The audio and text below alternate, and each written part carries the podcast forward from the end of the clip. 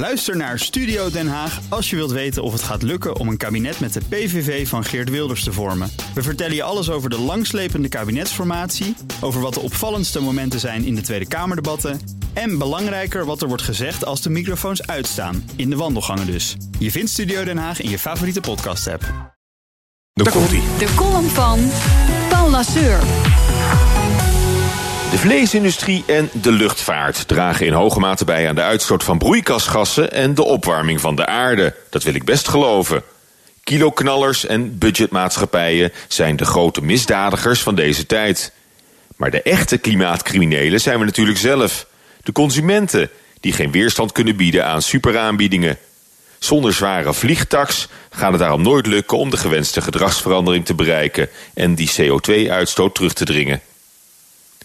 Zelf ben ik de eerste om schuld te bekennen op beide aanklachten. Als dagelijkse vleeseter en regelmatige luchtreiziger is mijn carbon footprint waarschijnlijk een stuk groter dan die zou kunnen zijn. Maar alleen het besef fouten zitten blijkt telkens onvoldoende om mijn gedrag aan te passen. Zolang ik het nog kan betalen, ga ik er waarschijnlijk gewoon mee door en wacht rustig af. Dat vliegtuig vliegt toch wel, desnoods met iemand anders op mijn stoel. En zolang je voor een paar tientjes naar Barcelona of Londen kunt vliegen, is het spoor geen reëel alternatief. En er zijn altijd nog mensen die veel meer vliegen dan ik. De laatste tijd hoor ik opvallend vaak zeggen: vliegen is veel te goedkoop. Het is het mantra van de verwarde luchtreiziger. Iedereen zegt het, en het klinkt bijna altijd hypocriet.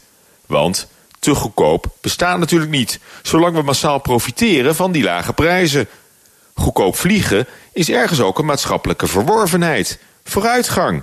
Het stelt brede lagen van de bevolking in staat andere landen te bezoeken. Landen die anders praktisch onbereikbaar zouden blijven, want te duur of te ver om per trein of auto aan te reizen. Goedkoop vliegen is in die zin ook emancipatie. Vliegen voor het volk. Als je vlees en vliegtuig duurder maakt, wordt het weer een voorrecht van de elite. Net als vroeger, en moeten we dat wel willen. Is een dure zakenvlucht naar Hongkong minder overbodig dan een goedkope vakantievlucht naar Gersonisos. Een biologische steek minder erg dan een kilootje half om half. Het klimaat maakt geen onderscheid. Elke kilo CO2 die in de atmosfeer wordt uitgebraakt is er één te veel. Maar de nood is hoog en actie is nu geboden. Daarom zit er weinig anders op dan toch zo snel mogelijk biefstuk aan vliegreizen op rantsoen te zetten. Van bovenaf opgelegd, met voorbijgaan aan lastige democratische principes en slepende inspraakrondes. Gewoon de beuker in en kijken wat er gebeurt. Laat die vliegtax maar komen. Prettige maandag. En dat is weer Paul Zuur. En zijn column eh, die kunt u teruglezen en luisteren op bnr.nl en in de BNR-app. Daarmee is het zeven minuten voor half zeven. Negen op de tien jongeren weet niet goed wat wel en niet strafbaar is in ons land. Blijkt het onderzoek van onderzoeksbureau Bigger Circle... in opdracht van de Week van de Rechtspraak. En die week begint vandaag. Bij ons is Peter Evers van de Bigger Circle. Goedemorgen. Goedemorgen. 9 op de 10 weet weinig over rechtspraak. Maar ja, dat is een heel uh, breed containerbegrip. Wat weten ze dan precies niet? Uh, nou, 92% zelfs geeft aan dat ze benieuwd zijn wat wel en niet strafbaar is in Nederland. Dus mhm. daarmee uh, ja, zie je dat die interesse er dus is. Dus zou je kunnen concluderen dat, uh, dat ze niet goed op de hoogte zijn. Maar ze weten dus niet dat je niet door rood mag fietsen, maar ook dat je geen wraakporno mag maken, dat soort dingen. Ze weten niks. Nou, je, we hebben ook gevraagd in welke onderwerpen zijn jullie dan vooral geïnteresseerd. Ja. En daar zie je dat uh, de straffen voor jongeren tot 18 jaar, uh, dat, dat dat echt een uitschieter is. Dus je ziet ook wel dat, uh, ja, we hebben in Nederland natuurlijk een, maken een mooi onderscheid tussen onder de 18 en boven de 18. Ja. En ja, deze vragen zijn gesteld aan scholieren tussen de 14 en 18 jaar. Dus dat is wel, ja, dat is wel iets wat ze interessant vinden. Dus gaat het dan vooral om de straf waarbij ze denken, misschien kan dat onder de 18 jaar nog net wel en is het pas strafbaar als ik ouder word dan 18? Ja, ja, ja, dat zou wel kunnen. We zien ook wel in het onderzoek veel uh, middelbare schoolonderwerpen zeg maar, terugkomen. Uh, rondom drugs, wraakfoto's, uh, loverboys, internettesten. ja, heel veel van dat soort dingen. of cybercrime bijvoorbeeld. als je iemand Facebook wachtwoord pikt, ja, dan ben je natuurlijk eigenlijk verschrikkelijk strafbaar. En dat, dat soort dingen die op een middelbare school gebeuren, begeeft je gewoon een beetje in een schemergebied. Zeker als je 16, 17 jaar bent. Ja, Daar is ook onduidelijkheid over. Hoe komt het dat ze er zo weinig over weten?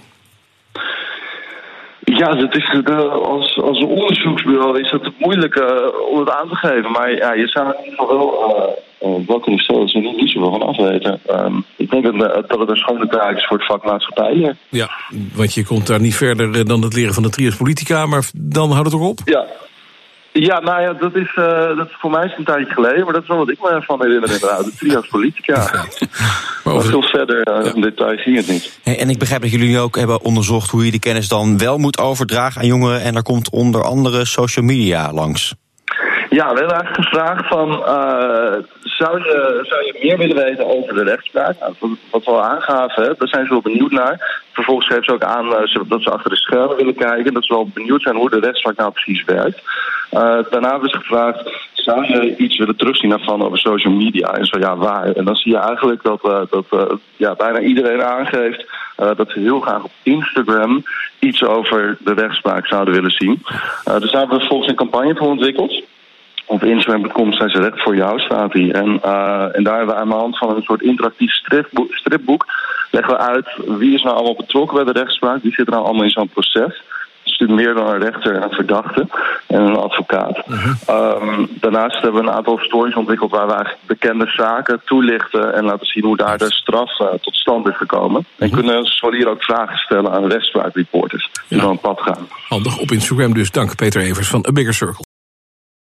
Ook Liesbeth Staats vind je in de BNR-app. Ja, heel handig. Luister live naar Kees en mij tijdens de Daily Move. Dan blijf je ook gelijk op de hoogte van breaking news en het laatste zakelijke nieuws. En daar vind je ook alle BNR-podcasts, waaronder de Perestrooikast. Download nu de gratis BNR-app en blijf scherp.